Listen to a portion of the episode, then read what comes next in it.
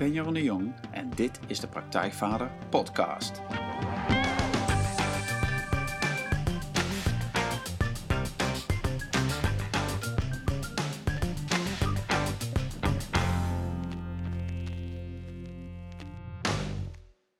Welkom bij een nieuwe aflevering van de Praktijkvader Podcast. Jeroen hier en goed dat je weer luistert. Zoals elke aflevering interview ik een inspirerende gast die jou verder gaat helpen bij de volgende stap in je vaderschap. Ik vraag schrijvers, coaches, wetenschappers, kunstenaars naar hun vak, hun ervaringen, hun tips en trucs over hoe je met meer ontspanning en plezier de vader kunt zijn die je je kinderen en jezelf gunt. En vandaag is radio-dj en vervent podcaster van het eerste uur, Patrick Kikker, te gast in de podcast.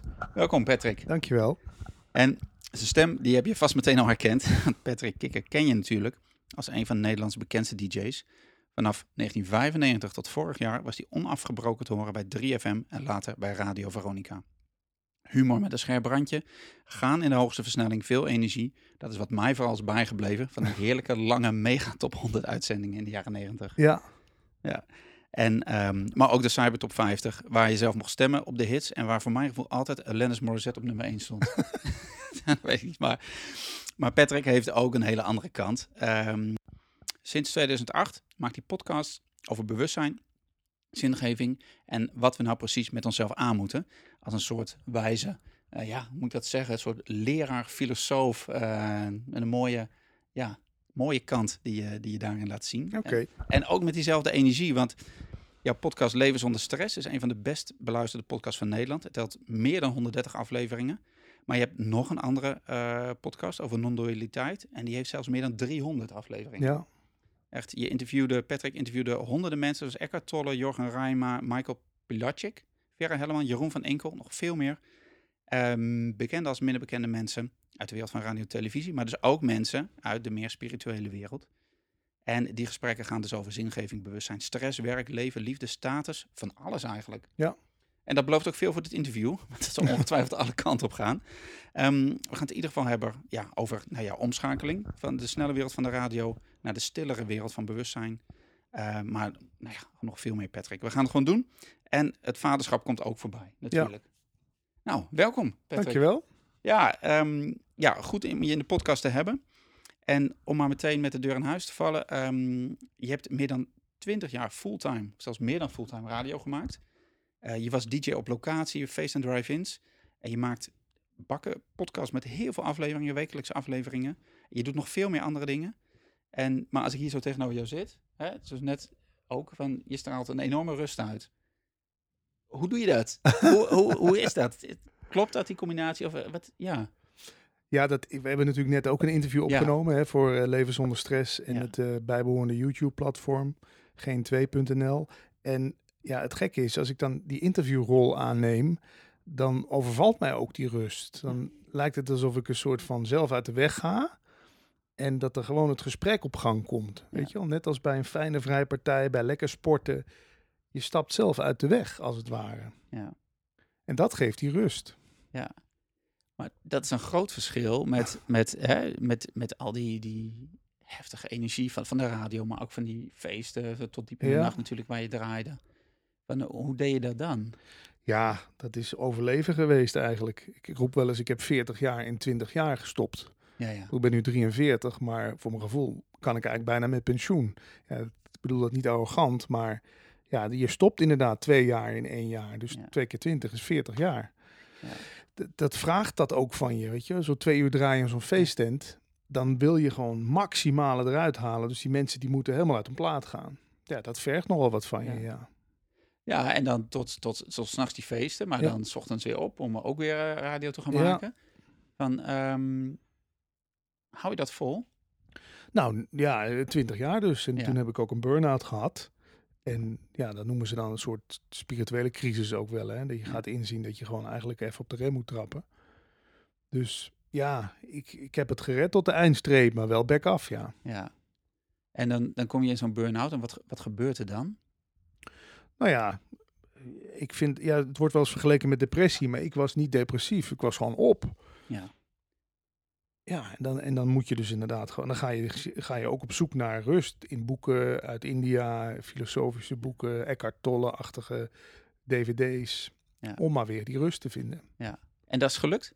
Ja, ik vind van wel. Ook als ik jou zo hoor, dat je zegt dat je het prettig en rustig vindt. Dan ik denk dat het wel een beetje gelukt is, ja. Ja, ja nou dat is ook, en dat is ook wat ik in jouw podcast de, proef, hè, die twee podcasts die, die je doet. Uh, Leven zonder stress en eh, die over non-dualiteit. Het is een soort, soort nou ja, het is niet te vergelijken met, met jouw stem en jouw energie van de, van de, van de radio, zeg maar. Mensen geloven het soms ook niet. Hè, is dat diezelfde gast met, met zijn... Uh, ja. Maar ja, het is misschien een rol die je speelt. Ja, en, en ja, het is misschien een open deur dan om te vragen, maar welke rol past dan beter bij je? Ja, nu deze. Ja. Maar je had meer twintig jaar geleden natuurlijk ook geen boek van Eckhart Tolle onder mijn neus moeten schrijven. Ik had gezegd, rot op. Ja. Ik heb nog veel te veel te bewijzen. Ja. En, en heb je dat, de bewijzen van, van want ik geloof, uh, jij was toen heel jong toen je al met radio begon. En uiteindelijk op je twintigste kwam je echt bij de, bij de, de grote radio terecht, zeg maar. Was dat, zat die bewijsdrang er altijd al in, vanaf je, vanaf je kinds aan? Ja, dat heeft natuurlijk ook veel met mijn opvoeding en mijn uh, gezinssituatie te maken. Ik, ik heb, als kind was ik vaak de beste van de klas. Vraag me niet waarom, misschien een goed stel hersens. En ik had, toen leerde ik al van, oké, als je dus ergens de beste in bent, dan wordt er van je gehouden. Want dan krijg je complimentjes. De juffrouw vind je speciaal. Thuis word je met liefde overgoten. Want je hebt, Patrick zal alweer een tien voor het proefwerk hebben. Dus ja, uiteindelijk heeft me dat die, dat, die gedrevenheid wel gegeven. Ja. Om maar altijd de beste te willen zijn. Het meeste te willen doen. Ja, noem het een roep om aandacht. Maar ook gewoon het idee dat, je, dat er van je gehouden wordt als je ergens goed in bent. Ja, en dat heb je ervaren, want je, hè, je was een van de, van de bekendste DJ's van Nederland, zeg maar. Uh, echt een bekende Nederlander in de tijd dat dat misschien ook nog iets uh, voorstelde. voorstelde ja. nou ja, in ieder geval dat, dat we nog niet overspoeld werden met het internet en, en, de, en de reality. Vloggers. En dat, hè. Dus dat, dat ja. Wat, wat, hoe was dat voor jou om eigenlijk al zo jong uh, zo, zo bekend te zijn? Nou ja, achteraf eigenlijk niet zo gezond. Want ik heb begrepen dat tot je 28ste groeit je brein nog door of zo. En als je op je 21ste inderdaad zo overladen wordt met allerlei mensen die iets van je willen, maar ook zeggen dat je bijzonder bent, dan heb je kans dat je daarin gaat verliezen natuurlijk. En er zaten ook allerlei leuke kanten aan hoor. Ja. Bedoel ik, uh, dat je op je 22 in het vliegtuig zit naar Miami om Gloria Estefan te interviewen. Ja. Ja, dat maakt niet iedereen mee. Ja, maar dat, dat, dat, zijn, dat zijn ook de mooie kanten. Want Tuurlijk. heeft ook op een hele mooie plek gebracht. Zeker. Eh, je hoort me ook absoluut niet klagen. Maar ook een beetje in het kader van je podcast zit ik te denken... ja, als je vroeg succesvol wordt... en dus ook financieel ja. Uh, van alles kan veroorloven... ja, dat is leuk. Maar hou er rekening mee dat je nog daarna 40 of 50 jaar mee moet. Of 60. En ja, op een gegeven moment kom je toch aan een plafond. Ja. Had, had jij het fijn gevonden, en dat is natuurlijk allemaal achteraf praten, maar daar ben ik gewoon benieuwd naar, als jouw ouders op dat moment je wat meer met je voet op de grond hadden gehouden? Of, of? Hebben ze natuurlijk wel geprobeerd, maar ja, ik ben wat dat betreft wel zo, zo'n eigen heimer, of hoe zeg je dat, die gewoon ervoor ging. Ik, ja, ik heb ooit gesolliciteerd bij de landelijke radio met, uh, had ik tien cd's laten maken. Dat was in die tijd nog speciaal, want niemand kon cd's branden. Het heeft me 500 gulden toen nog gekost. Daar ben ik mee gaan solliciteren als uh, eh, 20-jarige jongen. Ja, mijn vader zei, wel belachelijk, het is weggegooid geld. Wie doet nou zoiets? Ja, ik ben toch blij dat ik mijn eigen koers heb gevolgd. Want anders was, was ik natuurlijk nooit terechtgekomen. Dus, maar nee, ik kan u niet verwijten dat ze me wat uh, hadden moeten afremmen. Want dat lukte toch niet. Nee. nee. En als je dan, hè, als je naar jezelf kijkt, hè, van, hè, zeg ook wel eens van, uh, als je volwassen wordt, dan is het de bedoeling dat je, dat je je eigen ouder wordt. Hè, dat niet meer je ouders zijn, maar als jij nu kijkt, hè, van als nou ja, volwassen vent van, van 43 naar die jongen van 20, wat zou jij, wat zou jij jezelf toen, had je jezelf goede raad kunnen geven? Of had je... Nou, dat is een mooie. Um, ja, had eens wat vaker nee gezegd. Want als je ergens talentvol in bent, komen ze natuurlijk van alle kanten op je af. En willen, willen, de, willen jou voor dat radioprogramma. Ze willen jou voor die cd-presentatie. Ze willen jou voor dat interview. En ik ben eigenlijk toen, ik heb overal maar ja op gezegd, dat ik het ook leuk vond. Ja. Je krijgt aandacht, je krijgt er geld voor. Ik had wel een manager kunnen gebruiken in die tijd, denk ik. Ja. ja. Dat zie je nu ook met jonge jongens als Martin Garrix en zo. Die, die worden echt wel goed begeleid. Dat moet ook wel, want anders word je gewoon geleefd. Ja, dus daar had jij wel fijn gevonden als iemand had gezegd... Nou, nou Patrick, deze even niet, die even wel. Ja. Vanavond even vroeg naar bed, niet een feestje. Ja, ja, ja, ja. ja. ja. Nou ja, uiteindelijk ben ik er niet uh, gehandicapt uitgekomen, dus... Nee, want, want hoe voelt het dan nu van waar je nu zit? Hè? Dat is dan een hele andere plek. Van je werkt niet meer voor de, voor de radio, zeg maar. Uh, dus je hebt niet meer dat je elke dag een, een, een, een uitzending moet maken of zo. Um, ja, hoe, hoe doe je dat nu? Hoe, hoe voelt het nu om op deze plek te zijn waar je nu bent? Ja, lekker. Omdat ik merk dat dit nu wel uh, meer bij me past. Ik, ik, ik, had ook altijd wel een knoop in mijn maag als ik s'avonds moest draaien ergens. Ja. Maar dan dacht ik van ja, dat zal er wel bij horen, plankenkoord, wat dan ook. Ik ben blij dat ik dat nu niet meer heb. Dat, ik, dat ik nu wel ook de luxe heb dat ik, nee, dat ik die dingen niet meer hoef te doen. Want ik word nog wel eens gevraagd voor een bruiloft of een partij. Ja. En dan zeg ik dan toch nee. Nee, ik heb liever nu gewoon dit soort gesprekken. Ja, een beetje de verdieping in. Ja. Ja, want daar ben ik wel benieuwd van echt als je kijkt van, um, ik wist dat je deze podcast deed. Uh, en uh, allebei die podcast eigenlijk, maar ik wist, had eigenlijk geen idee dat je zo, zo al lang deed. Mm -hmm. En dan ziet het, het, het archief eigenlijk, wat jij, wat jij hebt staan, zeg maar, echt honderden afleveringen, honderden gesprekken. Um, daar was je al mee bezig toen je nog bij de radio ja, werkte. klopt. Is, was dat niet een beetje, ja, dat vul ik in, maar was dat niet een beetje schizofreen, zeg maar? Dat je de ene moment zat je in die wereld van knallen, gaan. En het andere moment zat je Eckhart Tolle te interviewen bij wijze spreken. klopt, ja. Het is zelfs nog eens voorgekomen dat ik tijdens een radio-uitzending, terwijl de muziek liep, zat ik telefonisch een, uh, een spiritueel leraar te interviewen. Ja, dat was ook een uh, soort tweespalt, hoe noem je dat? Een spagaat. Maar ja, kijk, met dit valt niet veel poen te verdienen. Dus ik heb dat radio de laatste jaren ook echt gedaan. En denk van, nou, kan ik nog even een buffertje opbouwen? Dat ik het daarna even kan uitzingen, zodat ik dit soort gesprekken kan blijven voeren. Ja, dat was ja, het werd op het laatst was het ook niet meer vol te houden. Ik wilde inderdaad veel meer hiermee bezig zijn dan die clown uithangen op de radio. Ja. Hey, en, en waar is dat begonnen? Want uh, je bent er echt diep ingedoken. Hè? Mensen die jou vooral kennen als, als, als radio-dj. Uh, ehm, de, gewoon de, boeken die je bent gaan lezen, zeg maar. Uh, echt verdiept in de, in de Indiaanse filosofie, mm -hmm. zeg maar. De non-dualiteit. Is er een moment aan te wijzen eigenlijk waarop dat die interesse in die, uh, in die meer spirituele of filosofische kant, uh, dat die begon? Dat je zegt, kun je dat aanwijzen? Ja, dat is 2004 geweest. Nu dan uh, 13, 14 jaar geleden. Toen maakte een meisje het uit. En dat was een meisje waar ik heel erg verliefd op was. Maar die was vooral in mij geïnteresseerd door inderdaad eh, die, dat ik wat bekender was. En dat ik meer geld te besteden had. En een BMW reed. En ja ja, dus je had een soort golddigger achter je aan. En dat heeft me wel ja, zeer bezorgd. Ja, dan ga je op zoek naar medicijn voor de pijn, zullen we maar zeggen. Hè? Die tijd kwam net een beetje op dat je gratis mp3's van internet kon plukken. Oké. Een vriend van me die zei, hier, luister dit is dit, dit helpt misschien. Die kwam met allemaal dingetjes aan van Tony Robbins, Brian Tracy, Wayne Dyer, Deepak Chopra. Ja. Nou, dat hielp ook. Ja. Want die mensen verwijzen hier naar iets van binnen waar, waar, waar je geen pijn ervaart. Of althans, waar het rustig is. Dus ja, toen ben ik eigenlijk besmet geraakt met het luisteren van die, die seminars. Ja, ja het is die Amerikaans, hè, zegt Tony Robbins, dat is uh, van, hey, let's do it. en uh, gaan en... Uh, laat je niet gek maken. Ja, laat je niet gek maken. En jij bent in control. Ja, en, ja, ja, ja, precies. Ja, bijna wel zo. Ah, ik, mag, ik mag hem wel heel hoor. Maar je bent ook, je bent verder gegaan dan dat. Hè? Dus je bent echt wel ook de meer of diepere kant. En uiteindelijk kom je uit bij die non-dualiteit. Ja. Uh, wat, wat echt, uh, nou, dat is niet niks. Um, ja, kun je daar iets over zeggen? Want uh, ik vind het wezenlijk, ik vind het moeilijk om uit te leggen, maar jij hebt dat vast al honderd keer gedaan. Ja, het kwam dus eigenlijk, het begon met Eckhart Tolle voor mij, ja. hè, de kracht van het nu. Ja. Die is altijd maar aan het verwijzen naar je bent veel meer dan wie je denkt dat je bent. Ik dacht natuurlijk heel erg dat ik Patrick Kikker, die bekende radiodisjockey was. Maar dat brengt ook stress met zich mee. Want als je dan een week op vakantie bent, je bent een week niet op de radio, dan begint dat kaartenhuisje al een beetje te wankelen. Hè? Ja. Want je identiteit ja, Is, is toch heel fragiel als je je daar alleen maar aan vasthoudt.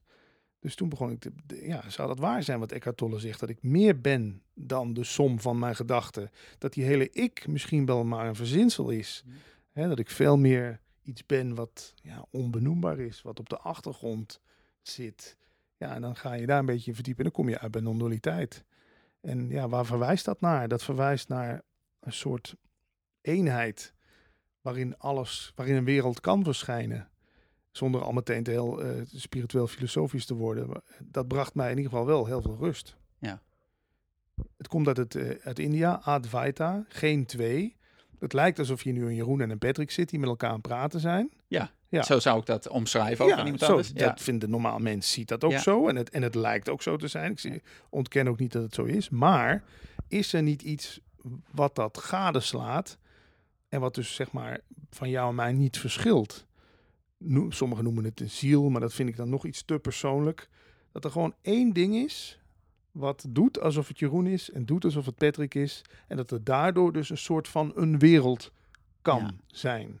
Het doen alsof spelletje wordt het ook wel eens genoemd. Ja, ja ik, ik denk dat je, je hebt het zelf um, omschreven. Uh, in een van je podcasts hoor ik dat, dat met de druppels in de oceaan. Ja. Kun, je dat uitleggen? Dat is ook een mooie vergelijking, ja.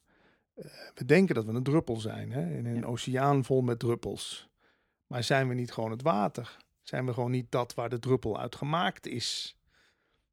En ja, als je het zo bekijkt, dan, dan, zijn, ja, dan zijn we allebei H2O, zo maar zeggen. Ja, precies. Dus dan hoef ik ook niet jou te zijn, want we zijn allebei in essentie gewoon het water. Dus wat moet ik dan nou, dat jij net een wat leukere druppel bent dan ik, wat maakt dat nou uit? We zijn water allebei. En dan wordt het ook wel eens omschreven als liefde. Hè? We zijn liefde op zoek naar onszelf. Dus hier zit dan gewoon liefde met liefde. En dan, ik hoef niet jaloers te zijn op, op liefde, want ik ben het zelf ook. Ja, maar dat is, je zegt het zo even. ja, nee, dat snap ik. Man, want, ja. maar dat is echt totaal anders dan, dan, dan hoe wij, of hoe ik, hoe wij gewoon met z'n allen naar de wereld kijken. Want ik denk van, weet je, ik ben Jeroen en jij bent Patrick. Wij zitten hier en ik interview jou, ik interview jou hier voor die podcast. En weet je, ik heb ook een beeld van hoe ik ben en wat ik te doen heb in deze wereld. Mhm. En jij ook. En dan zeg je, ja, maar eigenlijk zijn we, zijn we hetzelfde. Of zijn we één, of zijn we liefde, of zijn we de oceaan. Dat, um, ik kan me voorstellen dat um, mensen raar staan te kijken als je dat zo. Als je, als, zeker als jij dat als, als, als, de DJ gaat uh, uitleggen. Ja, bij Veronica zeiden ze op het laatst ook Patrick ziet spoken. Of uh, mijn vader zei was Patrick zit bij een Duitse secte. Toen zag hij het boek van Eckhart Tolle, hè, oh, Duitse okay. schrijver. Ja. ja. Ik vind het ook helemaal niet erg. Want okay. het een hoeft het ander niet uit te sluiten. Hè. Ik bedoel, we kunnen nog steeds doen alsof we Jeroen en Patrick zijn. Maar misschien is er wel iets meer aan de hand. Ja. En het is ook helemaal niet iets wat je iemand wil opdringen. Want als jij er niet naar vraagt, dan praat ik daar ook niet over. Maar je hebt er nu interesse in. Ja. ja, ik vind het gewoon mooi, omdat dit ook de basis lijkt te zijn voor iedere religie op de wereld. Dat, hè, dat uh, inshallah, zoals God het wil. Uh, islam betekent vrede. Als je je er een beetje in gaat verdiepen, verwijzen eigenlijk alle religies naar deze fundamentele eenheid. Alleen ja, we voeren er oorlogen over of jij het wel begrepen hebt en ik niet. En of jij niet gelijk hebt of ik niet. Ja. ja. En als je dan kijkt naar, ben ik heel benieuwd naar, uh, als je naar ouders en kinderen. Dat betekent dan ook, als je op die manier naar kijkt, dat ik ook één ben met mijn kinderen. En wat, wat zie jij dan als, uh, wat, wat hebben ouders dan te doen eigenlijk? Als je van, ja, gewoon die liefde zijn die ze al zijn, denk ik. En proberen zelf zo schoon mogelijk te worden, zodat die liefde door jou heen, zeg maar, zijn werk kan doen of zo. Dat je als een soort spiegel waar geen vingerafdrukken meer op zitten. Ja. Ja, nou, ik zit gelijk bij mijn, mijn hoofd maakt nu overuren, ja, zeg maar, om het om een soort... Om een concreet te maken. Nou, om het concreet, maar ook van... denk van, dat is, nou, het, het nodigt uit. Het nodigt uit tot, tot, tot, tot exploren, tot, tot, tot uh, wat, wat ga ik dan doen met mijn kinderen? En wat is dan mijn taak, zeg maar? Um, wat, hoe zie jij dat dan nu um, naar jouw eigen ouders toe, zeg maar? Van, van, van als je het vanuit dit licht bekijkt, zeg maar, van hoe jullie, ja, wat is dan jullie relatie of wat, wat is de functie van, van dat jullie zo bij elkaar zijn gekomen? Zijn? Ja. Nou ja, onschuld ga je inzien van dingen. Weet je, in non-dualiteit gaat het natuurlijk ook heel vaak over de vrije wil. Hè? Maak jij keuzes of gebeuren de dingen gewoon? En we zijn natuurlijk als de kippen erbij om altijd iedereen van alles de schuld te geven. Op de eerste plaats onszelf. En daarna natuurlijk onze ouders, want die hadden de jeugd beter moeten doen. En ze hadden dit moeten doen en dat moeten doen. Maar als je, als je inziet dat het gewoon één verschijning is die, die zich gewoon afspeelt als een soort film. Terwijl jij het filmdoek bent waarop de film genaamd jouw leven geprojecteerd wordt, dan had jij nooit anders kunnen zijn dan dat je toen gedaan hebt of was. Ja. Dus het verontschuldigt heel veel zaken. En ja, hoeveel mensen zitten niet verwikkeld in allerlei patronen met hun ouders van, uh, ja, van beschuldiging, verwijten. Dus ik kan mijn ouders nu wel als puur onschuldig zien. Heeft ook lang geduurd, maar... Nou, dat lijkt me ook heel bevrijdend. Ja. Dus denk ik, oké, maar dan, dan hoef ik dus niet meer iets van ze te vinden of te verwijten of gewoon mezelf iets te verwijten, dan is het eigenlijk gewoon zoals het gegaan is. Ja.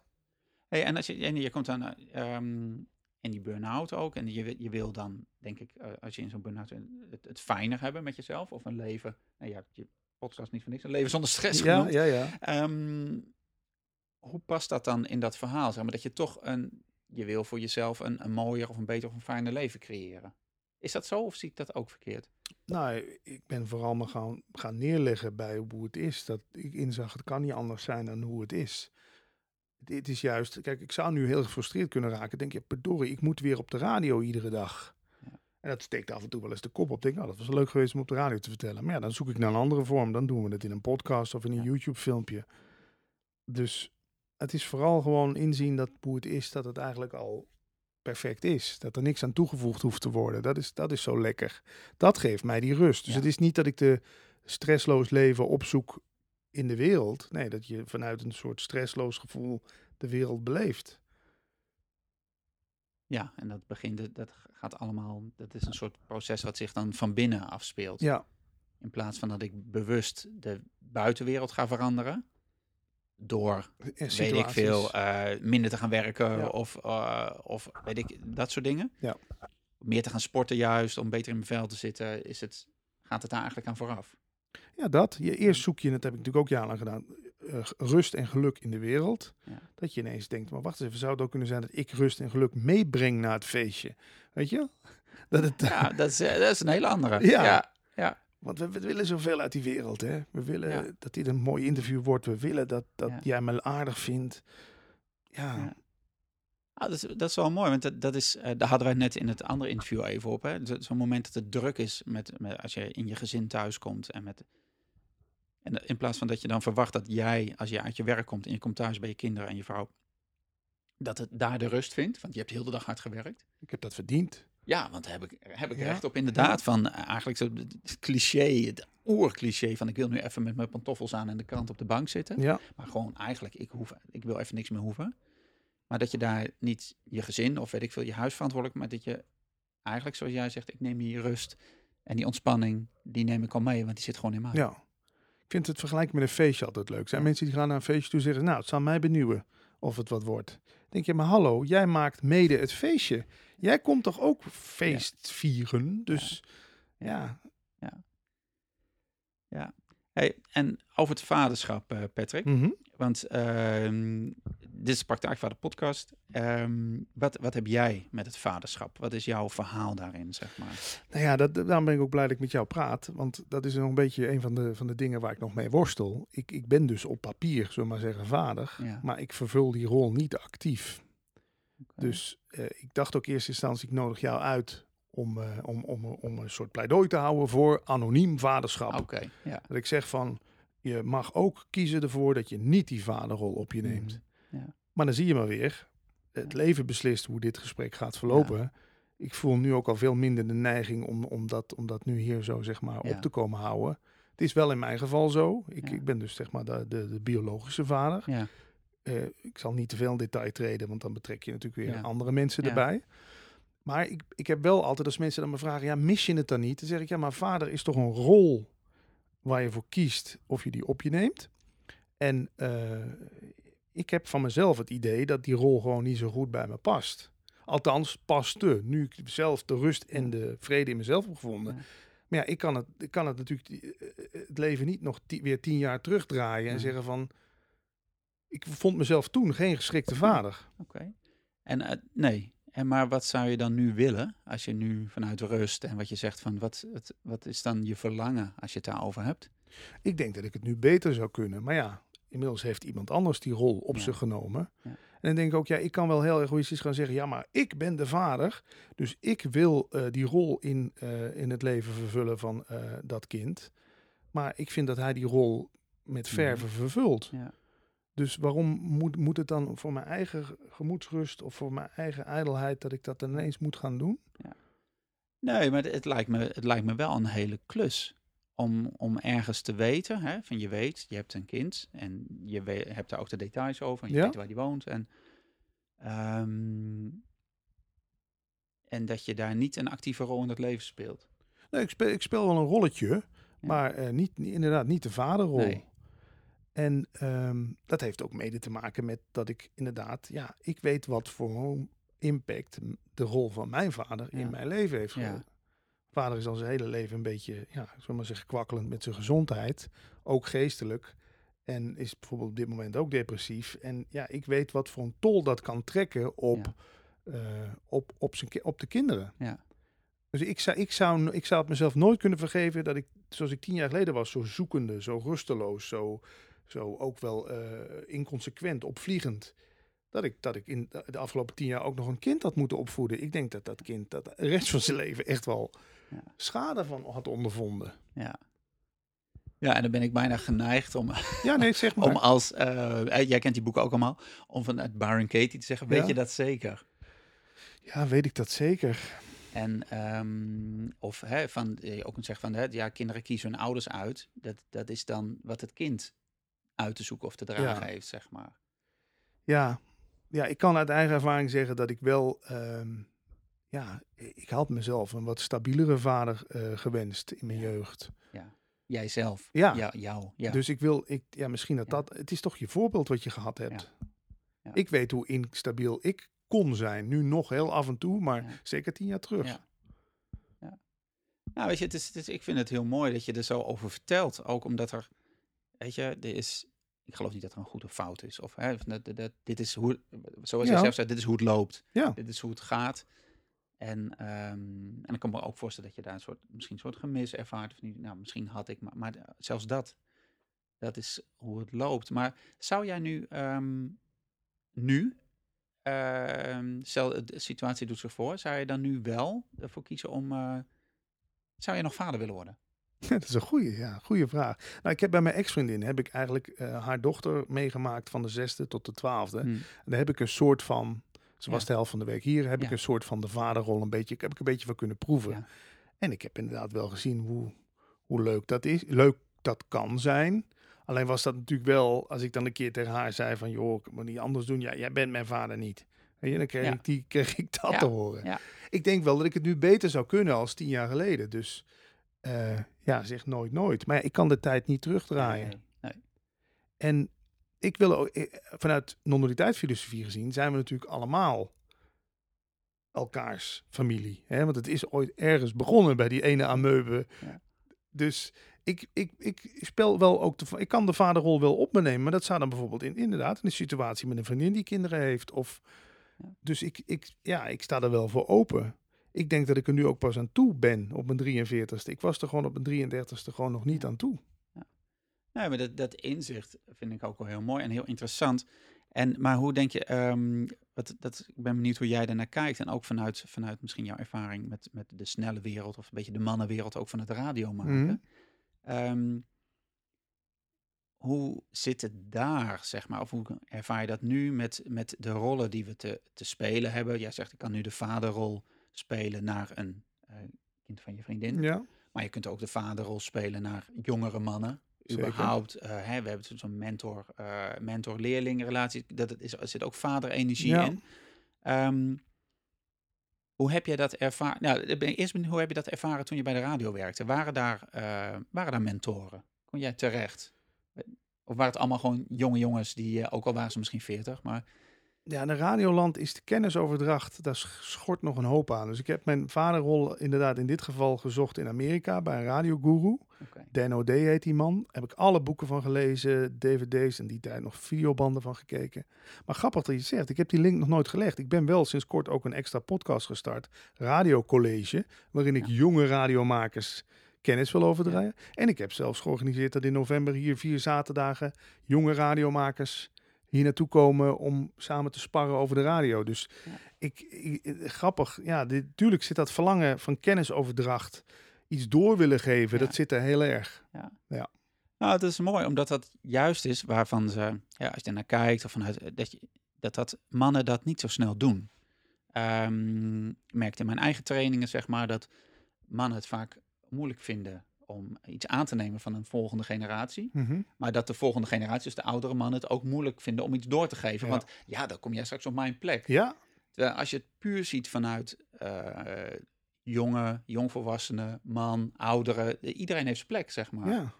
En ja, dat, dus het is mooi dat je, dat je dit oppakt. Zeg Ja, en zo ging het toch vroeger ook. De jager Ja, leerde toch zijn zoons of de jonge jongens in het, in, in het dorp gewoon hoe ze moesten jagen. ja, Dat ja. En ik vind het wel grappig. Kijk, ik heb van mijn vader. Mijn vader is ook een tijd lang werkeloos geweest in zijn leven. Mede door ja, zijn, zijn, zijn, zijn ziek zijn. Ik heb dus ook. Ik heb mijn, brie- mijn broer is vier jaar ouder.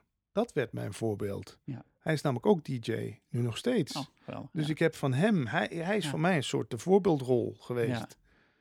Dus ja, als ik dat zo terugreken, klopt het helemaal. Oh, mooi. Hey, en al die, die eh, interviews die je hebt gedaan Ja. hè, met al die, die leraren, dat, dat ehm, het, nou, ik, ik heb een paar keer, honderden. Dus echt, als je, als je hier geïnteresseerd bent, dan kun je echt, eh, echt jaren zoet zijn met, eh, met alles wat jij hebt, iedereen die je hebt geïnterviewd. Ja. En dat is mooi, want dat, hè, dat is ook tijdloos.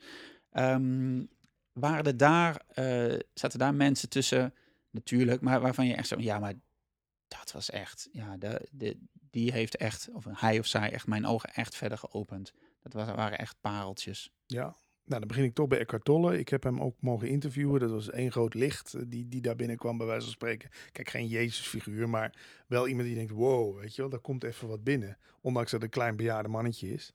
Wayne Dyer heb ik veel naar geluisterd. Ehm, ja, ik leer van iedereen eigenlijk wel wat. Wat is de laatste tijd iemand waar ik... Ja, Paul Smit toch, waarmee ik de podcast Praat over Bewustzijn doe. Die is dan wel drie jaar jonger. Of twee, maar ja, van hem heb ik ook wel heel veel dingen geleerd. Hoe het brein werkt, Ja. hè, het oerbrein. Hoe we allemaal een soort van geconditioneerd zijn. En hoe we de hele dag geprimed worden door reclame.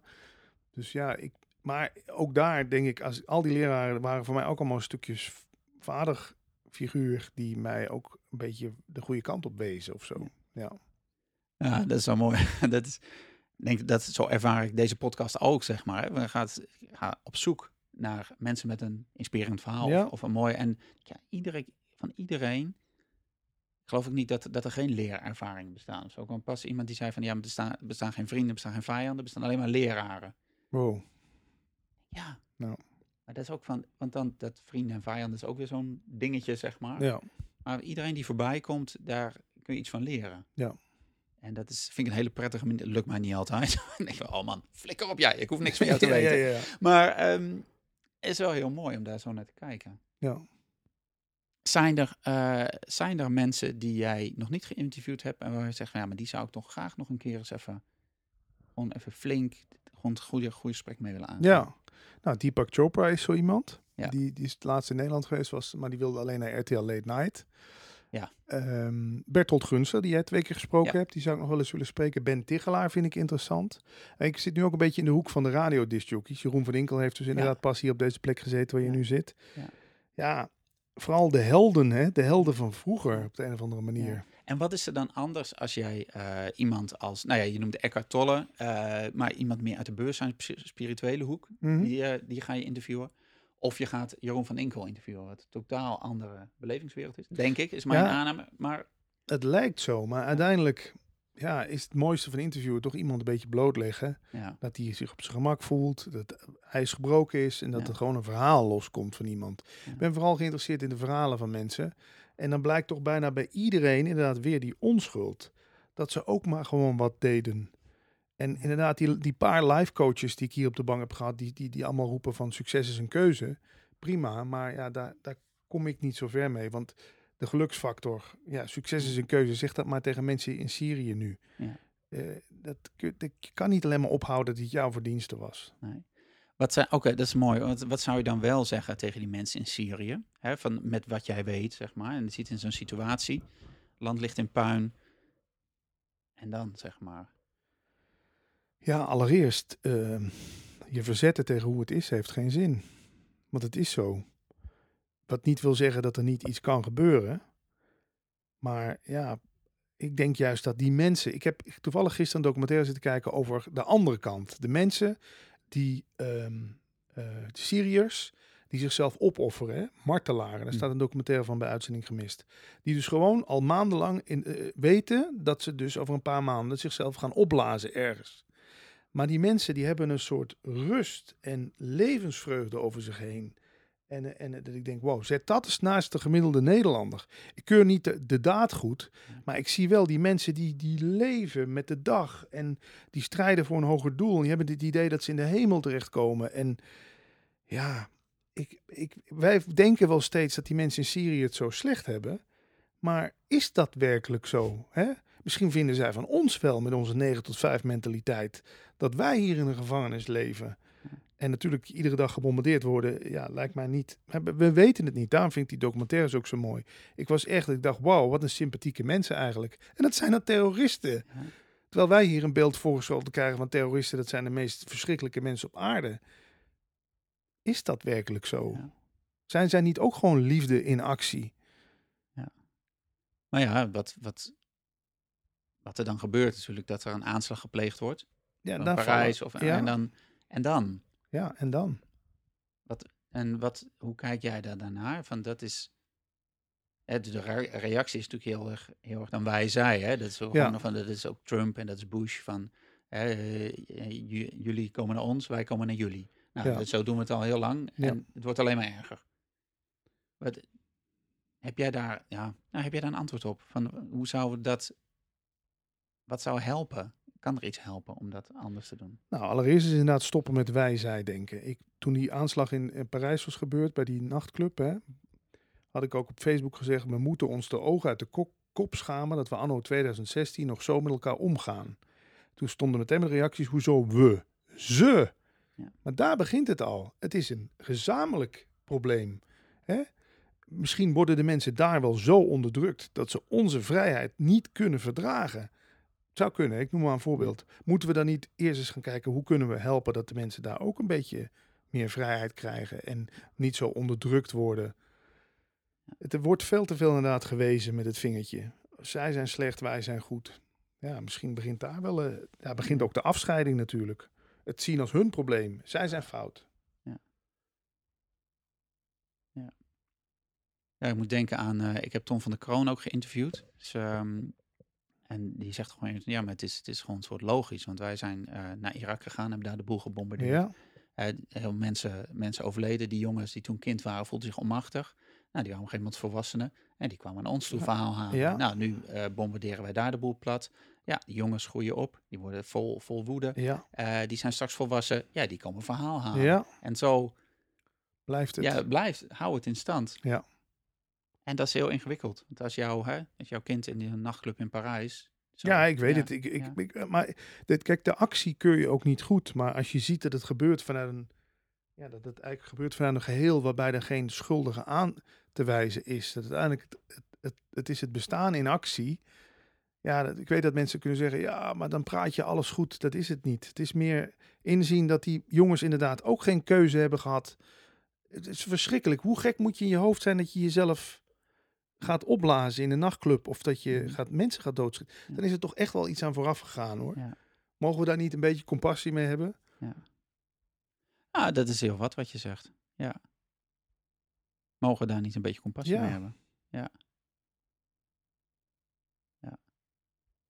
En ik ben benieuwd van hoe jij dat dan, uh, ja, hoe je dat nu doet, zeg maar, in je, gewoon in je dagelijks leven, dat, dat, dat, dat leven, zeg maar, dat, dat, die, dat die, die niet die, geen twee, hè? Mm -hmm. geen twee. Um, doe je dat heel bewust? Uh, sta je daar elk moment bij stil? Heb je daar uh, ja, bepaalde rituelen voor? Hoe je focus daarin, zeg maar. Want ik kan me voorstellen, op het moment dat je de, de deur uitstapt, word je continu geconfronteerd met de wereld. Ja, met de wereld. En, de, en die is, de wereld is per definitie, uh, het zit nog in dat wij-zij-stuk. Ja. ja, dat is constant alert blijven. Eh, in India zeggen ze wij hoe wij. Doen door niet te doen. Eigenlijk is die doener, dat is iets heel interessants. Onderzoekers of er in jou wel een doener zit. Weet je, de woorden die wij nu spreken, verzinnen we die echt zelf? Of komen die gewoon door ons heen als een soort van muziek die afgespeeld wil worden? Ja. En als je de wereld zo kan zien, hè, is gewoon, uh, je had van die doosjes vroeger, die draaide je op, hè, en dan uh, ding, ding, ding, ding, ding, dan draaide er iets rond en dan hoorde je muziek. Misschien is de wereld dat wel. Die wordt op de een of andere manier opgedraaid en die speelt zich dan zo ding, ding, ding, ding, af. Ja, als je de wereld zo kan zien, dan, dan hoef ik hier nu dus ook eigenlijk niks te doen. Ik kan hier gewoon gaan zitten en het komt wel door mij heen wat er gezegd wil worden, of, of gekookt, of afgespeeld, of... En dat weten, wij weten het ook, want op het moment dat jij bijvoorbeeld vrijt met je partner, en je zit zelf nog in de weg. Hè? Ja. Je denkt van, oh, doe ik het wel goed? Ja, want ik moet daar en daar uitkomen. Ja, ja, ja, ja. ja, dan, dan, dan wordt het toch niks. Nee. Je wilt toch, dat noemen ze in de flow. Sporters weten dat ook. Je raakt op een gegeven moment in de flow of in de zone noemen ze het ook wel eens, in de zone. En dan gaan de dingen gewoon als vanzelf. Nou, ik wil je uitnodigen, kijk eens of niet de hele dag de dingen gewoon zich vanzelf afspelen. Ja. Dat brengt rust. Zeker, ja. In mijn geval kan ik dat wel beamen. En wat is dan de eerste stap hè, van mensen zitten te luisteren? Denk, nou, dat is mooi wat Patrick vertelt. Ik wil ook die rust wel of die ervaring. Wat, wat is het eerste wat je kunt doen? De eerste stap die je kunt zetten om, om daar te komen? Nou ja, er zijn verschillende theorieën over. Ik geloof wel dat die twintig jaar dat ik zo gek uh, door dat wereld heen ben geraast, dat me dat wel geholpen heeft. Want ik kan wel tegen jou zeggen, het zit hem niet in financiële vrijheid, ik noem maar wat. Maar eigenlijk moet je toch eerst ervaren hebben hoe het is om financieel redelijk vrij te zijn, voordat je dat kan zeggen. Ja, dus, want anders blijf je dat, ja, dat, dan denk je, dat kan je wel lekker zeggen. Ja. Maar jij hebt dat allemaal gehad. Ja. Maar ik wil eerst nog die BMW. want dan, en dan, kom ik er wel achter of die BMW het is of niet. Ja. Jim Carrey is zo'n mooi voorbeeld. Die praat tegenwoordig hier ook over dit soort zaken. Die zegt ook, ik gun iedereen dat hij in zijn leven één keer stinkend rijk is geweest, zodat hij weet dat het hem daar niet in zit. Ja. Die vrijheid, we zoeken die vrijheid in de wereld, in financiële vrijheid, in een vrijstaand huis, in, in een vrije relatie, uh, open relaties. Maar die vrijheid die zit hier, hè? dat zit gewoon aan de achterkant. En ja, dus mijn eerste advies zou zijn: uh, ga gewoon eens zitten en sla eens een beetje gade. Noem, Paul Smit noemt dat steeds uitzoomen. Een soort helikopterview naar je leven kijken. Hè? Weet je, je eens even iets minder identificeren met de rollen die je speelt.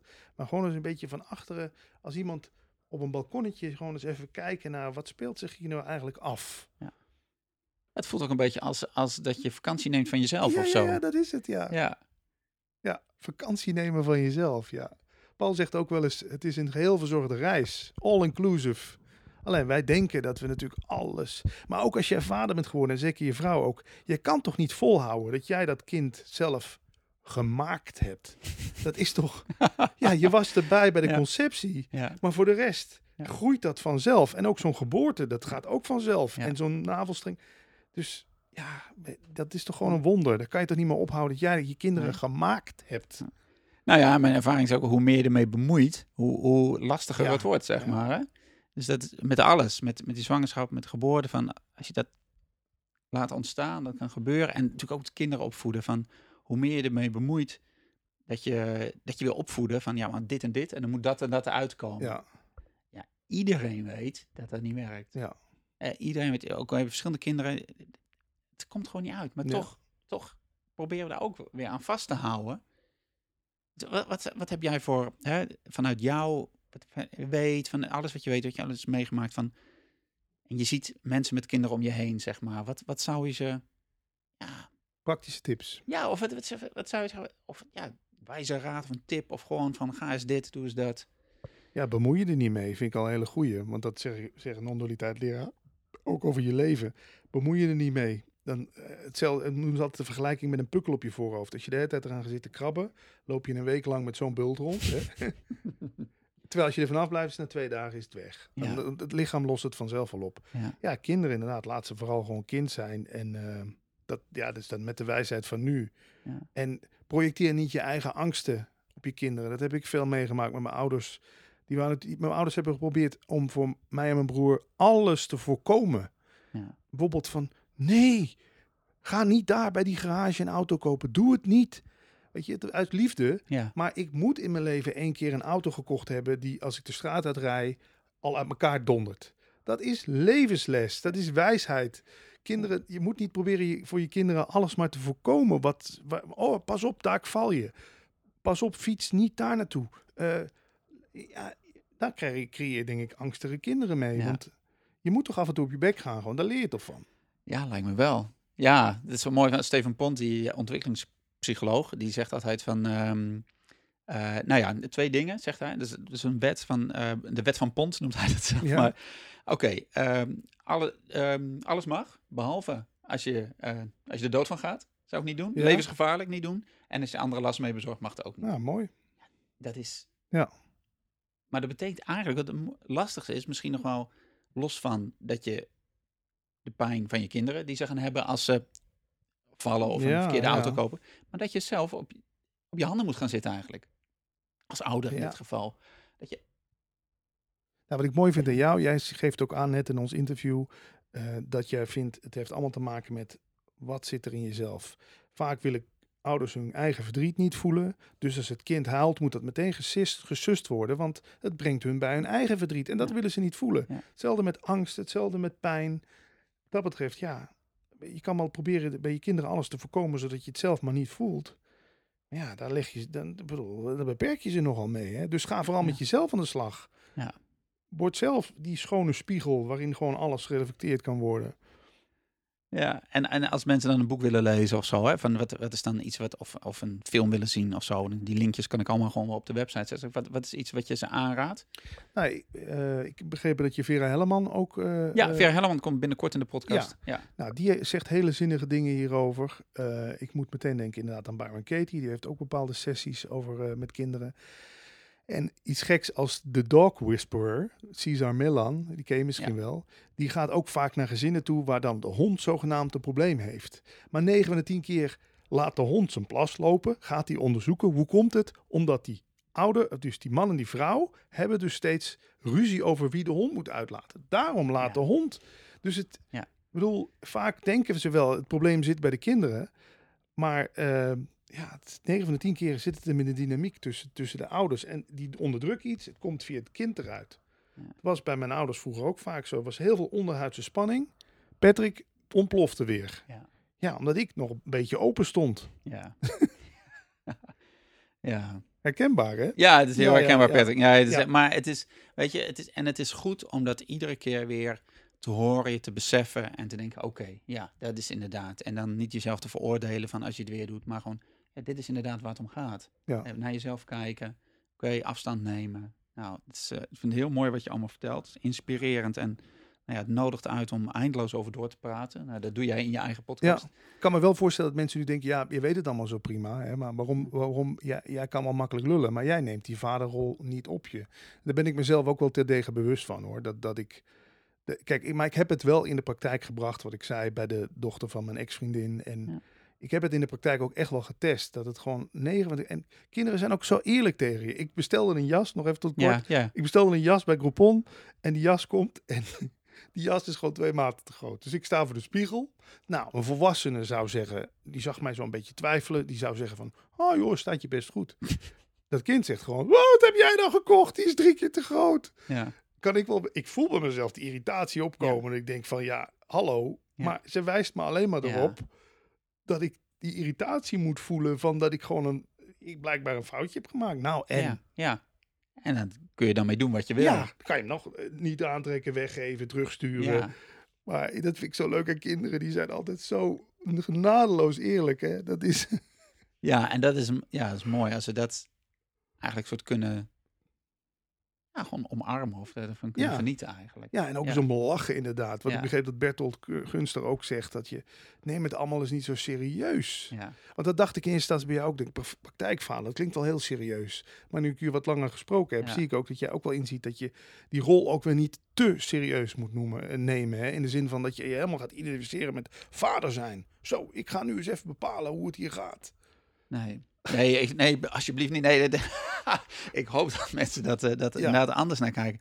Ik, het gaat over, weet je, over het plezier, over de lichtheid. Ja, verbinding. En, ja, en, vinden, en zoeken naar, naar die ontspanning juist. Van, als je die ervaart, als je kunt spelen, als je heel dat opvoeden of dat kinderen grootbrengen ook een beetje kunt zien als spel. Ja.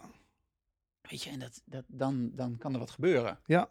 Dan kun je ook verrast worden. Want als je het gevoel hebt van wat veel mannen, wat ik, hè, het moeten weten je moet het toch weten, want anders dan... Ja. Ja, je hoeft helemaal niks te weten. Je doet vanzelf wel wat je doet. Ja. En inderdaad, ga een beetje uit de weg. Het liefst nog helemaal. Ja, mooi. Hey, Patrick. Um, als laatste, eh, wil je nog iets zeggen of iets kwijt? Wat, hè, ik heb je van alles gevraagd, maar misschien dat, je, dat ik je iets niet heb gevraagd wat je toch graag wil vertellen? Nou ja, ik kan me zo voorstellen als uh, het kind waar we het nu over gehad hebben, kort, dit misschien ooit eens hoort, ja. uh, dat hij, ik ga niet in detail treden, maar dat hij of zij wel weet dat ik er natuurlijk, ja, dat, dat, er, wel een, dat er, is, er is natuurlijk wel een band. Ja. die, en die band, maar die band gaat, staat los van hoe vaak je elkaar ziet, vind ik. ik weet ook van ouders die kinderen hebben die op een achttiende naar Australië verhuizen. Ik vind ook wel dat je je kinderen daar niet in moet beperken. Oh, hier dadelijk zien we je nooit meer. Ik bedoel, ja, ik weet niet hoe jij erover denkt, maar als je 18 bent, dan mag je in principe gaan en staan waar je wil. En als jouw wens is om naar Australië of Afrika te immigreren, doe het. Ja. Ik bedoel, in de natuur zie je het toch ook, dat ouders niet voor altijd bij elkaar blijven met hun kinderen. Ja. Nou, dat gaat ook wat je net zei, hè, van dat je als ouder niet je eigen pijn of je eigen wensen, zeg maar, Hetzelfde als uh, ouders, ja, maar hij moet per se studeren of hij moet per se voetballer worden. Dus, ja. maar hij mag niet naar Australië. Doodvermoeiend. Ja, dat, ja. dat, is wat er gebeurt. Dat is doodvermoeiend. Man, laat het gaan. En als, en, maar je mag wel de pijn daarvan voelen of zo. Hè? Of dat, je, dat je je kind gaat missen. Of dat, ja. dat, is allemaal... En ook uitspreken. Maar niet als een soort van, doe ons dat niet aan. Nee, kom op. Maar, maar dan heb ik het over... Dat, jij bent ouder, je kind is kind. En die is dan volwassen. Die moet gewoon kunnen Ja, loslaten. Loslaten. Ja. Ja. En zien dat het, het kind kan jou in principe ook geen geluk brengen. Dat geluk zit in jezelf. En jij brengt wat geluk mee naar het feestje. Het kind brengt wat geluk mee naar het feestje. Je haalt dat geluk niet uit elkaar. Dat zie ik ook zo vaak gebeuren. Dat, oh, nu heb wat je ook al zei in het interview. Nu krijgen we kinderen. Nu is ons grote geluk geboren. Ja, dat kan je toch niet. Daar moet je niet van hebben hoor. Nee, nee dan, wordt een, dan leg je zo'n oh. zo'n lading op dat kind of op die kinderen. Ja. Nee, laten we dat, uh, laten we dat niet doen. Nee. Nee, oké. Patrick, um, als mensen jouw podcast willen luisteren, uh, waar moeten ze dan naartoe gaan? Het makkelijkste is voor Leven zonder stress even intypen op iTunes of luchtigleven.nl. En de podcast met uh, Paul Smit heet Praten over bewustzijn. Die vind je op nondualiteit.nu. En daar staan ook alle interviews met andere leraren die ik uh, gesproken heb. Mooi. Ja. En als allerlaat wil ik toch nog één ding vragen. Als je, hoe zie jij jezelf over tien jaar eigenlijk? nou ja. waar, waar, ben je dan? Je hebt nu best turbulent leven gehad. En je hebt ja, radio heel intensief. Je bent nu hier heel ja, met, vol met passie mee bezig. Waar, waar, zit je over tien jaar? Nou, ik denk wel dat ik dan nog meer met dit bezig ben. En ik hoop dan toch, denk ik, een wat actievere rol te spelen als, nou ja, noem het vader, suikeroom, uh, goede vriend. Misschien wil ik dat wel gewoon zijn uh, voor het kind waar ik biologisch vader van ben. En uh, ja, dat zo'n beetje. En misschien ben ik ook wel weer met radio bezig. Ik ben nu wat gesprekken aan het voeren met, met een paar radiostations. Maar dat zullen dan radioprogramma's zijn die wat meer de diepte ingaan. Ja. En daar komt ook steeds meer mogelijkheden voor natuurlijk. Dus je bent nog niet van me af. Oh, nou, dat hoeft ook helemaal niet. Ik ben heel nieuwsgierig. Oké. Eh, hartstikke bedankt, Patrick. Jij ook. Super. En um, als je nu zit te luisteren, je vindt uh, alle linkjes, alles wat Patrick heeft genoemd, vind je terug op de website. En dat is praktijkvader.nl schuine podcast. Daar vind je dit interview terug en ook alle andere interviews. Je kunt je ook gratis abonneren via iTunes of via de app Stitcher. Als je een Android-telefoon hebt, op, gewoon zoek op Praktijkvader in de podcast en je vindt hem. En alle afleveringen staan daar voor je klaar. Um, en uh, ga het doen en heb het goed. Laat je inspireren en ik hoor je graag bij de volgende podcast. Oké, okay, groetjes. Doei. Voordat je gaat wil ik je nog even wijzen op het volgende. En dat gaat over Vurige Vrijdag. Hoe zou je het vinden om elke vrijdag een heel korte en uiteraard gratis mail van mij te ontvangen met daarin 5 tips die het leven met je kinderen een stuk leuker en moeitelozer zullen maken? Vurige Vrijdag is een korte mail met een dwarsdoorsnede van wat ik de afgelopen week ben tegengekomen op mijn reis door de wereld van bewust en betrokken vaderschap. Het kunnen inspirerende artikelen zijn, citaten, spullen die ik heb aangeschaft, films of boeken om zelf of met je kinderen te lezen en te kijken, tips voor een uitstapje, inzichten uit mijn trainingen, een korte oefening die je meteen thuis kunt uitproberen en nog veel meer. Zie het als een instant inspiratieshot net voordat je weekend begint. Veel mannen willen graag concrete en praktische tips. Nou, hier heb je ze. Ga naar www.praktijkvader.nl slash vurige-vrijdag voor een eerste indruk en meld je daar meteen aan voor je wekelijkse vader inspiratieshot. Dus www.praktijkvader.nl schuine-vurige-vrijdag. Heb het goed! Thank you.